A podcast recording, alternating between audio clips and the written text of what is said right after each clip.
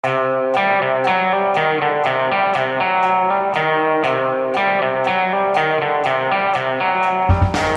ikke visste jeg at alle disse dagene som kom og gikk, de var selve uke 39.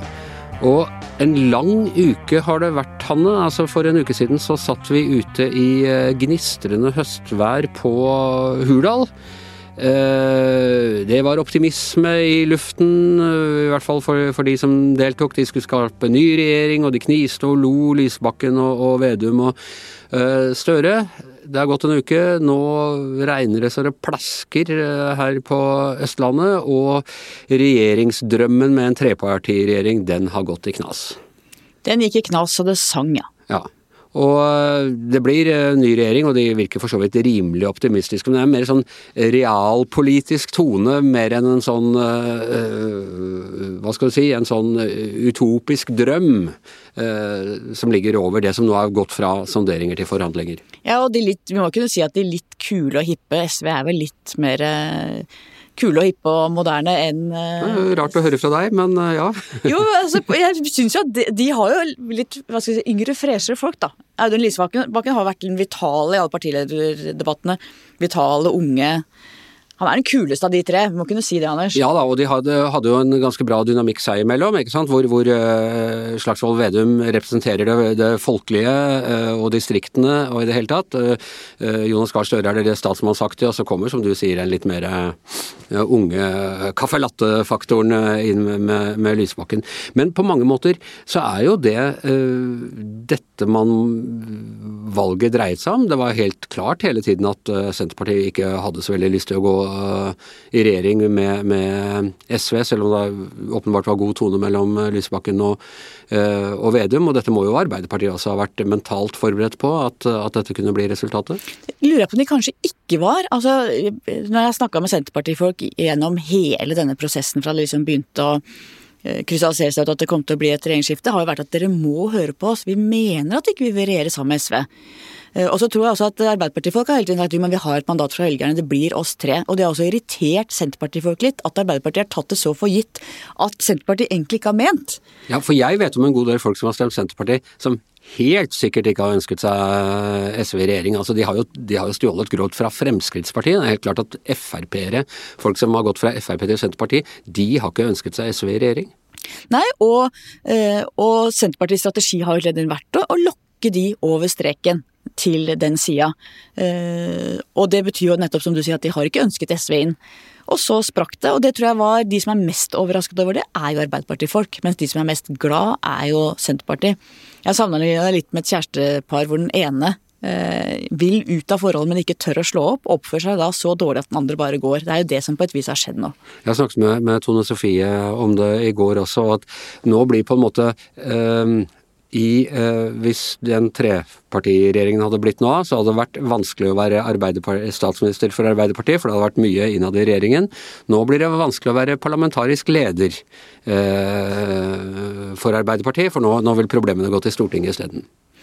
Absolutt. Eh, fordelen eh, for Arbeiderpartiet hvis det hadde blitt tre, var at da hadde det meste av politikken allikevel vanskelig å forhandle, men da hadde politikken endt opp midt i, som hadde vært Arbeiderpartiet, så de har fått en mer rendyrket Arbeiderpartiprofil. Det som noen sier kan være fordelen nå, er at med SV ute for Arbeiderpartiet, så kan de være liksom ytterkanten på det rød-grønne. At da er det deres klimapolitikk, det er de som får fronte det. Da er det ikke sånn at SV har dratt dem enda mye lenger og får hele den gevinsten. Som i Oslo, hvor byrådet er frustrert, eller byrådslederen og Arbeiderpartifolk der er frustrerte for at MDG og Lan Marie Berg får all kreden for den grønne profilen, mens Arbeiderpartiet føler at det er jo vår profil, men det er bare det det ytterste partiet i klimapolitikken som får mest eh, gevinst da, for det de oppnår. Men øh, det er også et annet parti som nå øh, har grunn til å være øh, fornøyd med dette i forhold til klimapolitikken, og det er Venstre. Øh, som jo også er et klimaparti, og som jeg tror at noe av den boosten de fikk på slutten av valgkampen, var at det var en del folk som syntes det ble for radikalt med både, både SV og MDG, og ikke minst Rødt, men som, som fant, fant Venstre som et godt alternativ. Derfor hjertelig velkommen til ukas uh, hedersgjest og ekspertkommentator Trine Skei Grande. Tusen takk. Du er altså, Mange vil huske at du har vært politiker, men nå er du her altså i kraft av din uh, politiske innsikt og ekspertise. Det er første dag som arbeidsledig, så jeg føler at streng, navlestrengen er kutta. Da kan jeg anbefale deg en karriere som synser og kommentator. Det er like fint å jabbe som å jobbe, pleier vi å si her. Det er veldig morsom rolle å ha. Ikke sant. Ja, og vi har selvfølgelig uh, spurt om du ville komme, fordi du er Det er få som de siste årene har vært med på så mye regjeringssamtaler, sonderinger og forhandlinger som deg. Eh, er det tre eller fire runder du har vært gjennom på de siste åtte årene? Det føltes som det var uendelig i åtte år, så ja. Eh, to, to regjeringsforhandlinger og to sonderinger ja. har jeg vært med på. Eh, og fra begynnelsen, altså første var i Nydalen i 2013. Mm -hmm. ja. Og da var dere litt sånn SV da? Dere skulle se om dere kunne få være med eller, eh, eller ikke? Eller var det helt klart at dere, dere skulle bare si hvilken, hva dere hadde å tilby? Nei, da hadde jo akkurat den rød-grønne regjeringa gått av, og SV-fella var blitt laga som begrep, eh, og jeg hadde ikke veldig lyst til å gå i den. Pluss at det var en valgkamp vi hadde drevet klart imot Frp, så jeg mener at vi ikke kunne ha gått i regjering med Frp eh, med de formuleringene jeg brukte brukt den valgkampen. Eh, men vi hadde jo fått et flertall, og det var vi som bidro til flertallet. Og da skulle vi nå ha betalt for at vi bidro til det flertallet. Eh, så den ideen om å lage en samarbeidsavtale isteden eh, hadde nok blitt vokst opp av, av SV-fella-begrepet. Det høres litt mafia ut, det der 'nå skal vi ha betalt'. Ja men, ja, men det er faktisk sånn at eh, de siste stemmene som skal til for å få flertall, er mer verdt enn de første. Og så gikk vi jo inn i de forhandlingene. Dette er jo skrevet hel bok om, så det kan folk lese. Men, men det er soleklart at uh, jeg hadde ikke noen ambisjoner om at vi skulle komme i mål uh, med de, de, sonderingene til forhandlinger. Det trodde jeg ikke skulle, det tror jeg ikke at Venstre har klart å bære på det tidspunktet. Men hvem sin idé var det å lage en samarbeidsavtale? Hvor kom den ideen opprinnelig fra? Nei, Den kom nok fra oss i Venstre. Uh, KrF var nok mye mer klar for å gå i regjering på det tidspunktet. Eh, men eh, det trodde jeg ikke var mulig. Eh, Terje representerte en stor del av Venstre som mente at det var virkelig Brevik mente at det virkelig, virkelig ikke var mulig. Ola Elvestuen var mye mer åpen for å gjøre det også på det tidspunktet. Så Men det vi egentlig gjorde i samarbeidsavtalen, var å bytte litt flertall sikre regjeringa flertall for noe de egentlig ikke hadde flertall for i Stortinget, mens vi sikrer oss flertall for noen ting vi ikke har flertall for i Stortinget, som f.eks. Lofoten og Vesterålen og, og, og, viktige andre saker for Venstre. Tenker du etter at det var en god idé med, med samarbeidsavtale, og vil du anbefale SV å gjøre noe tilsvarende? Ja, Det som jeg syns er rart nå, er at SV har vært i en posisjon, så får de liksom ingenting igjen. Jeg tror de er ganske sikre på at regjeringa må gå til dem for å få flertall for det første budsjettet. Men også er det liksom over. Så, så hva de eh, det går an de har en hemmelig avtale som ikke vi vet noe om, der de er lova noe, men, men Tror du det? Nei, det virker ikke sånn. Eh, og jeg syns at dette dette er veldig forskjellig fra hvordan Erna Solberg ville ha gjort det. For når du sitter inne i rommet med Erna Solberg, så, så må du gå fordi du ikke vil. Det er ingen som dytter deg ut.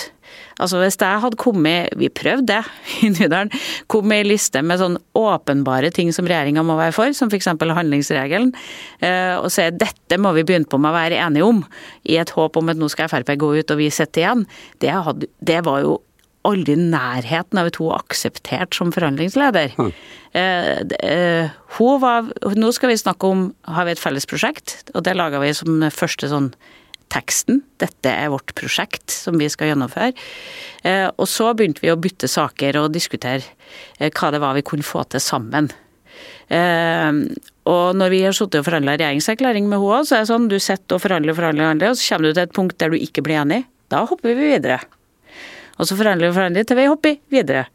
Uh, og så er det til slutt en del sånn Det blir en liten sekk med vonde saker? Det blir en saker. sekk med vonde saker til slutt. Og den, de siste timene i en forhandling er et mareritt, der det er virkelig avheng. Men da har du jo fått så mye, da.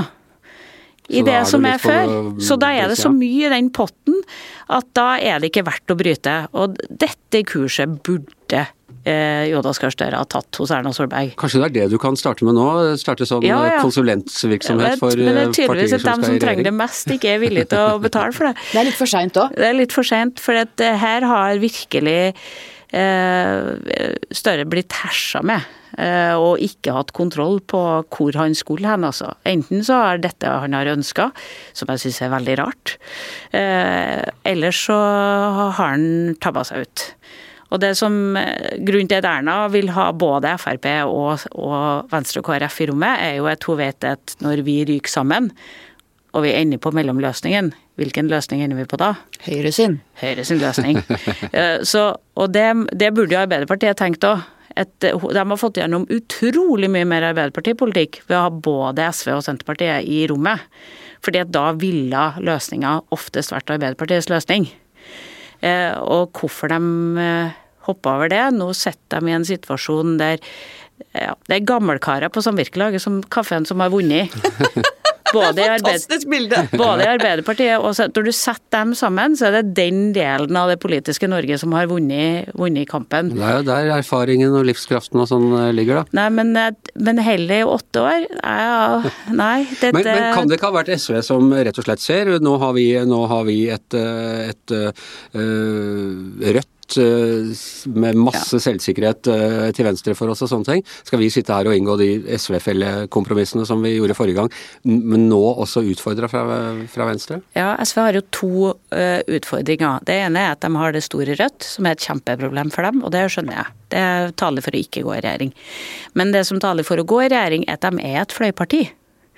Det betyr at denne regjeringa har så utrolig mange andre de kan gå til og få flertall. Eh, Og Det er det samme problemet som Frp alltid har hatt. At de kan liksom være hard og si 'dette vil vi ikke', men da åpner det bare for en haug med andre som vil. Eh, Og det er SV og Frp sitt like problem, at de blir fløypartier som ikke, som ikke har noen andre å gå til. Men er det SV eller Arbeiderpartiet som har tabba seg mest ut her, eh, føler du? Jeg syns bare at vi har en Altså, vi har en, en statsminister som er kul, og som kan masse, som er dritsmart. Jeg syns det er veldig behagelig å ha en statsminister som er kjempesmart. Eh, og så dumme seg ut med noe kjempedumt i starten. Er ikke en veldig dårlig start? Det høres nesten ut som du også er litt skuffa, at du også skulle ønske at SV kunne være med. Eh, ja, altså For meg som er opptatt av klima og miljø og sånn, så er det jo en tragedie at de ikke eh, er med. Så du har heia på SV, egentlig? Jeg har heia på? SV i disse forhandlingene. Men folk langt inne i Høyre så jeg, på Twitter og sånn som var skuffa over at SV ikke skulle være Ja, med i regjering. vi vet hva som blir når du slår sammen Arbeiderpartiet og Senterpartiet, og de faktisk kan ha flertall sammen med Frp. Det så vi i oljeskattesaken f.eks. I, i når, når vi behandla krisepakkene. Eh, Og vi har sett det i Myr. Vi har sett det i veldig mange klima- og miljøsaker. der Den alliansen er ikke bra, altså. Så du tror egentlig ikke noe særlig på at Arbeiderpartiet og Senterpartiet vil gå mest til SV? Du tenker at det kan kanskje første runden, men så er det så er de i fri flyt i Jeg tror at? Arbeiderpartiet ønsker det, men jeg tror ikke at Senterpartiet ønsker det. Nei, åpenbart. Og- Helt åpenbart. Og det er dem som har den taktiske hånda på rattet. Det var Jens som ble statsminister, men eh, i gavnet så er det, jo, er det jo Trygve som framstår som det nå. Tenker du at Senterpartiet er mye råere enn Arbeiderpartiet, eller bare litt råere enn Arbeiderpartiet i forhandlingsrommet? Nei, det vet jeg ikke, men de, det er jo veldig rart at Arbeiderpartiet lar seg herse med til å liksom hvis det er sant, nå, nå vet vi jo ikke om det er sant. Altså, Jeg har sittet inni her, og det er ikke sant alt som står i VG heller, av forhandlinger. Jo, jo, jo. så, aldri så, men hvis det er sant at de har gått imellom parter, altså at de ikke har sittet i samme rommet, og at Arbeiderpartiet har for gått imellom, at man legger fram kravlister for å få de andre ut av rommet, og at forhandlingsleder aksepterer det, ja, så eh, framstår dette litt pussig. Du, Fortell oss litt om hvordan, eh, hvordan liksom, det, det psykologiske klimaet er i sånne sammenhenger. Kristin Halvorsen uh, fortalte om fra, fra den forrige rød-grønne regjeringa, eh, og hvordan Senterpartiet, særlig de kvinnelige Senterpartirepresentantene, bru- brukte surhet som metode. Og det, det er sånn bilde jeg godt kan se for meg. Sitte her sammen med veldig, veldig sure damer. Da, da ønsker du å komme ut av det rommet fort. Blir det emosjonelt, og bruker man disse emosjonene bevisst? Nei, det er jo eh, Personlighet betyr noen ting i politikken, men kanskje aller mest i disse sammenhengene.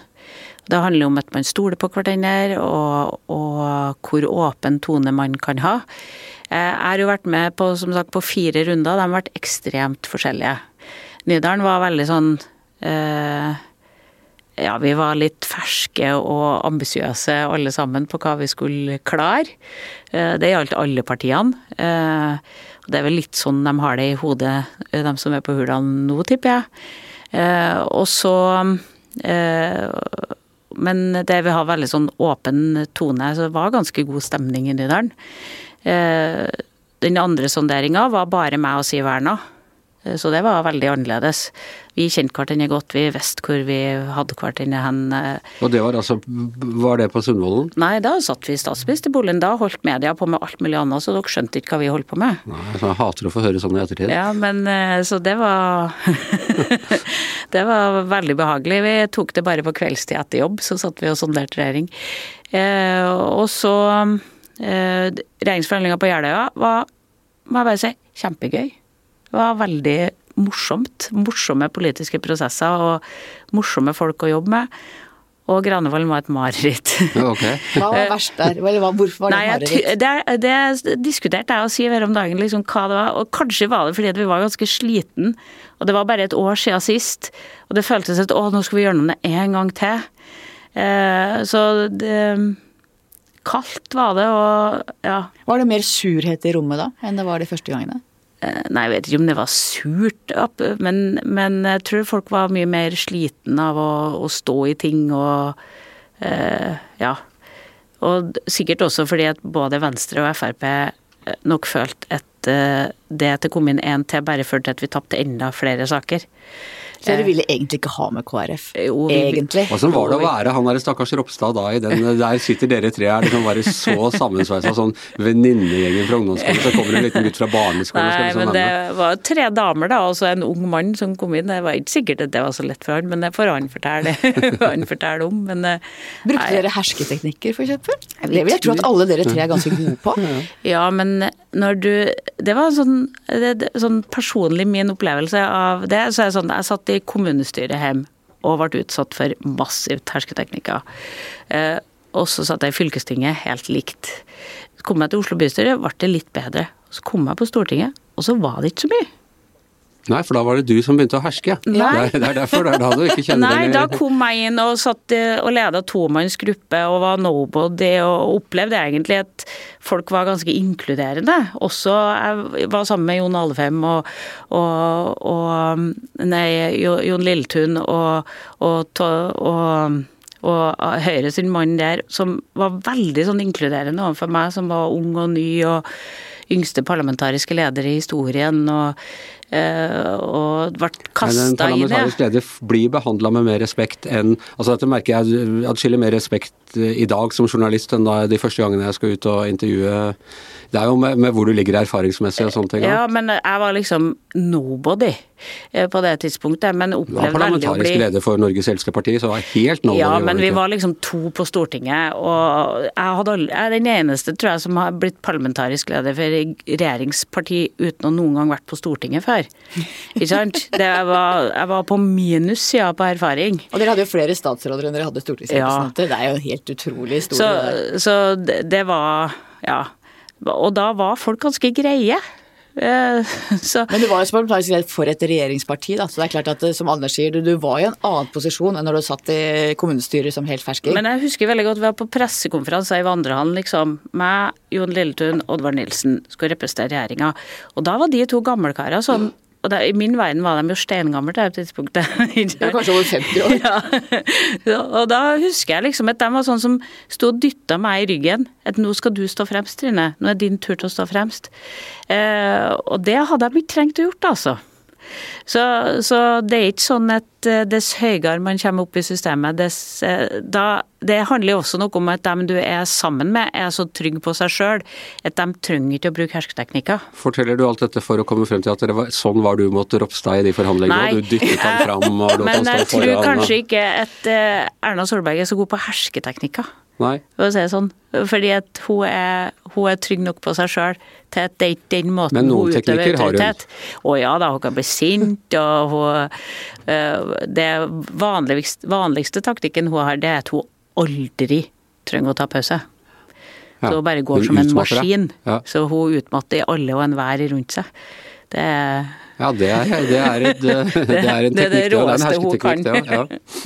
Hva tenker du fremover nå? Altså nå er eh, Dette er gått fra Det var eh, samtale først, så sonderinger. Hanne, du må rette meg på Ja, sonderinger, sonderinger først. Og nå er de over i eh, forhandlinger. Forhandlinger, Ja. ja. Og øh, det virker jo altså de, Jeg har inntrykk av at de forhandler jo ikke direkte, de to partilederne engang. Dette har de, satt, dette har de outsourca de outsource, ja. Eh, Det betyr at greia er i boks, da. Nei, men nå blir de enige. Hvis de ikke blir enige nå, så er det et kjempenederlag. Så det, da kan Erna bare fortsette, spør du meg. Så da, det, da er ikke noe vits. Så nå blir de enige. Når du først begynner forhandlinger, selv om det ikke alltid føles sånn inne i forhandlingsrommet, så blir, blir man enig når man først setter seg ned. Eh, Det er det for mye i stikken. For de blir veldig mye i stikken hvis de ikke klarer det. Så, så det tror jeg. Så, så, men for Venstre er jo dette en kjempesjanse, når SV gikk ut. Eh, dumt for miljøet, dumt for landet, men eh, veldig fint for Venstre. Fordi Nei, nå er vi viktige igjen. Eh, og, og det vil eh, Men eh, Støre skal gå til Lysbakken først med alle avtaler, skal han ikke det? Jo, men, men det er tilbake til gamlekaret på samvirkelaget. Ja. Det skal ikke være så vanskelig å være et parti som er mer moderne, fremoverlent, reformvennlig, framtidsoptimistisk enn det denne regjeringa kommer til å framstå. Så det mener jeg jo er hele borgerlig side sin mulighet. Nå kan Frp sitte og plukke populiststemmer tilbake igjen fra Senterpartiet, etter hvert som de ikke klarer å åpne lensmannskontor og alt de skal reversere. Eh, Og så kan Høyre og Venstre være mer moderne og, og mer fremtidsretta enn det denne gjengen her kommer til å klare. Jeg føler at du har gitt et bilde til, til Roar Hagen med den der samvirkelag Ja, dette gleder jeg meg til å se. Men, Samvirkelagforhandlingene. men Senterpartiet har jo hatt som mål, i hvert fall siden Anne Enger Landsteins eh, tid, nå Anne Enger, og kanskje før det opp, at de vil oppheve eh, blokkgrensen i norsk politikk. ikke sant? De vil at det skal ikke være lenger høyre- og venstreside, men sterkt sentrum. Kan dette på sikt være et skritt på veien for Senterpartiet til å rett og slett eh, bryte de, den streken? Og kan man da se for seg at vi ikke ler like mye av Trygve Slagsvold Vedum som statsministerkandidat om fire år, som vi gjorde nå? Ja, Det eneste som tar imot det, er liksom det store overordna målet, er hvor hard de har vært i retorikken mot den sittende regjeringa. Eh, Det er jo det samme vi har nå. Nå har vi ikke fløypartier med i, i den norske regjeringa som de har drevet valgkamp mot. Så hvis tanken er at man ikke ønsker fløypartier inn i regjering, så var retorikken litt for hard mot Erna Solberg til at det er det som er tankegangen. Men den retorikken kan jo bli glemt. Ser du for deg at eh, Venstre og KrF og, og Senterpartiet vil finne sammen igjen i et sentrumsalternativ på et tidspunkt? Nei, ikke, sånn, ikke den profilen som Senterpartiet har i dag. Altså, Vi har sittet i regjering med Senterpartiet og trivdes godt med det i perioder, men da var det et litt annet Senterparti. Eh, Det var ikke et Senterparti som eh, disse i klimapolitikk. Det var ikke et Senterparti som eh, syns du var, det mest restriktive i Stortinget på flyktninger. Det var Magnhild Meltvedt Kleppa og, og de, de gode Barmers mottagelse. Så det var, det var et annet Senterparti enn det Senterpartiet vi ser i dag.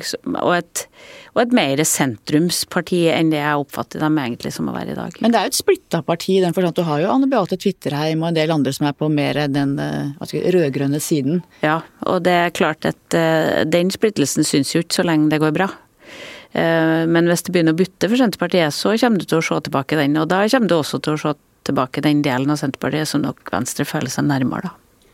Du, eh, du nevnte det her. Du ble arbeidsledig eh, eh, denne uka. I dag, faktisk. I dag, ja. Fredag i dag. Eh, og, men nå, nå går du på, på Forsvarets høgskoles sjefskurs. Mm -hmm. Elitekurset i, i Forsvaret.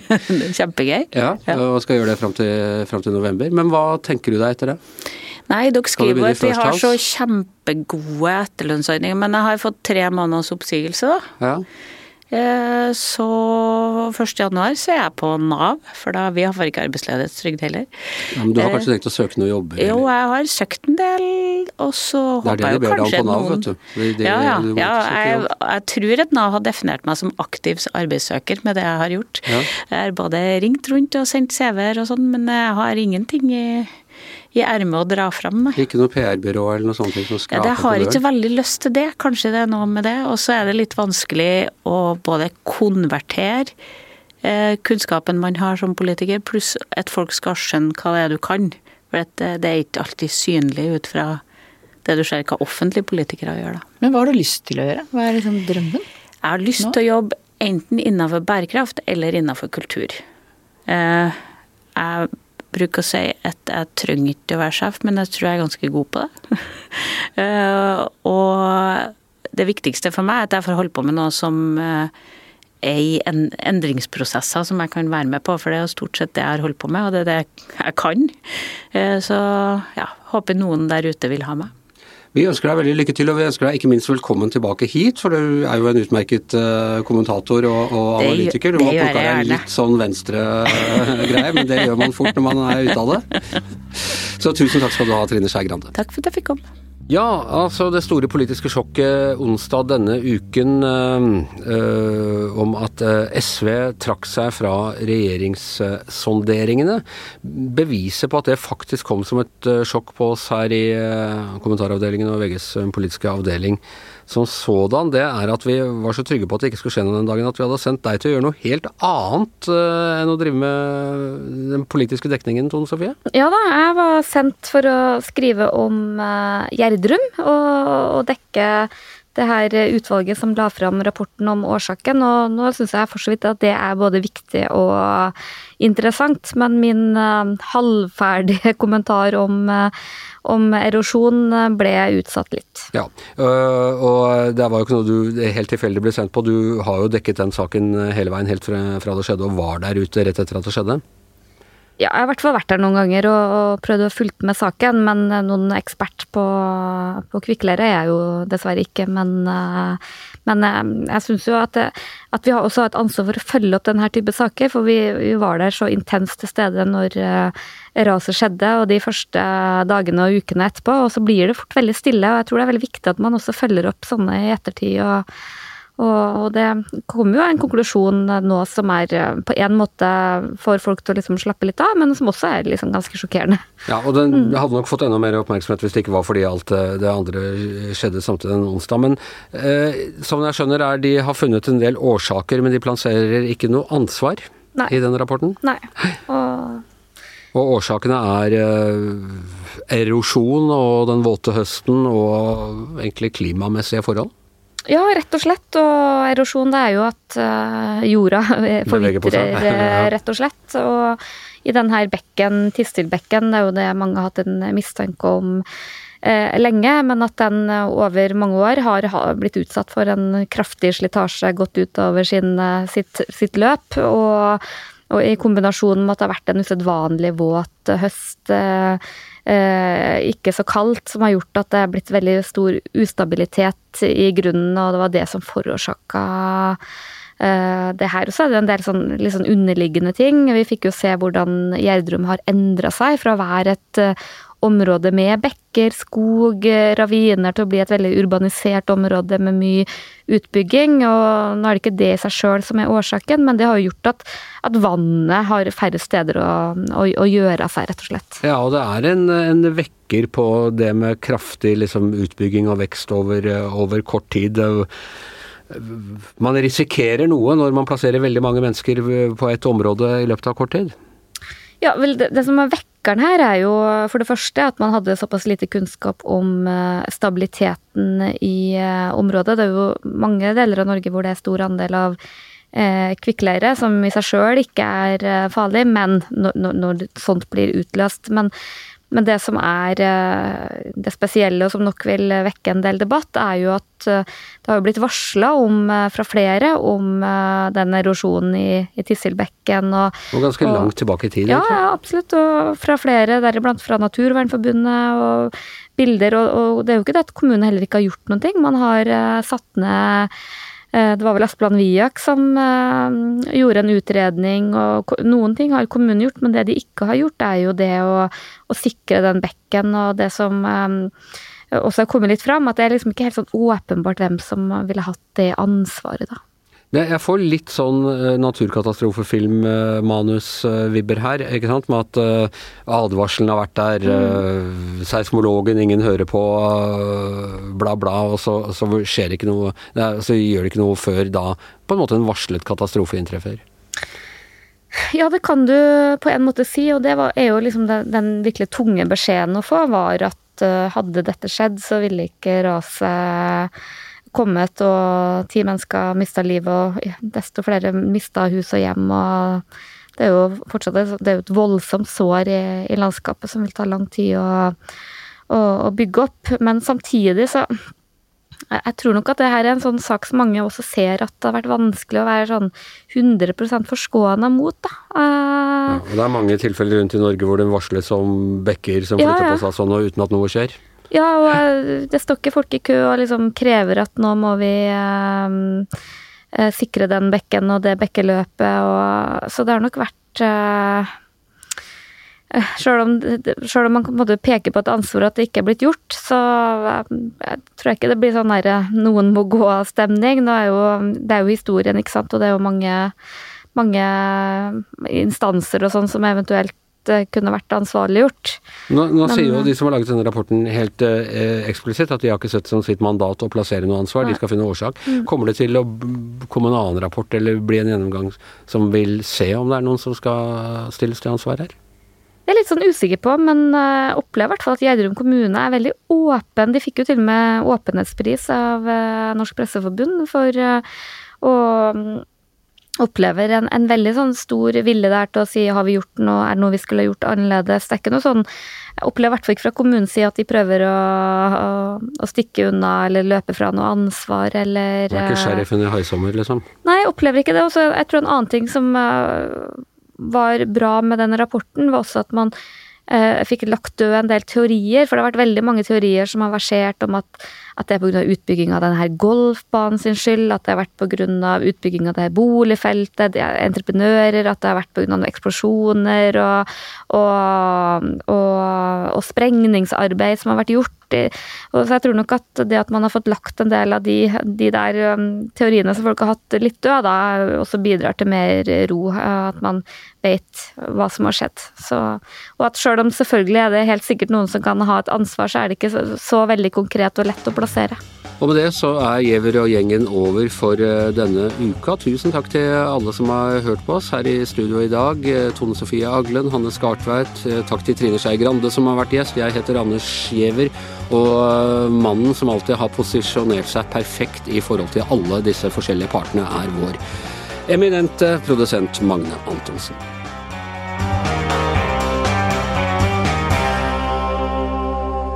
Du har hørt en podkast fra VG.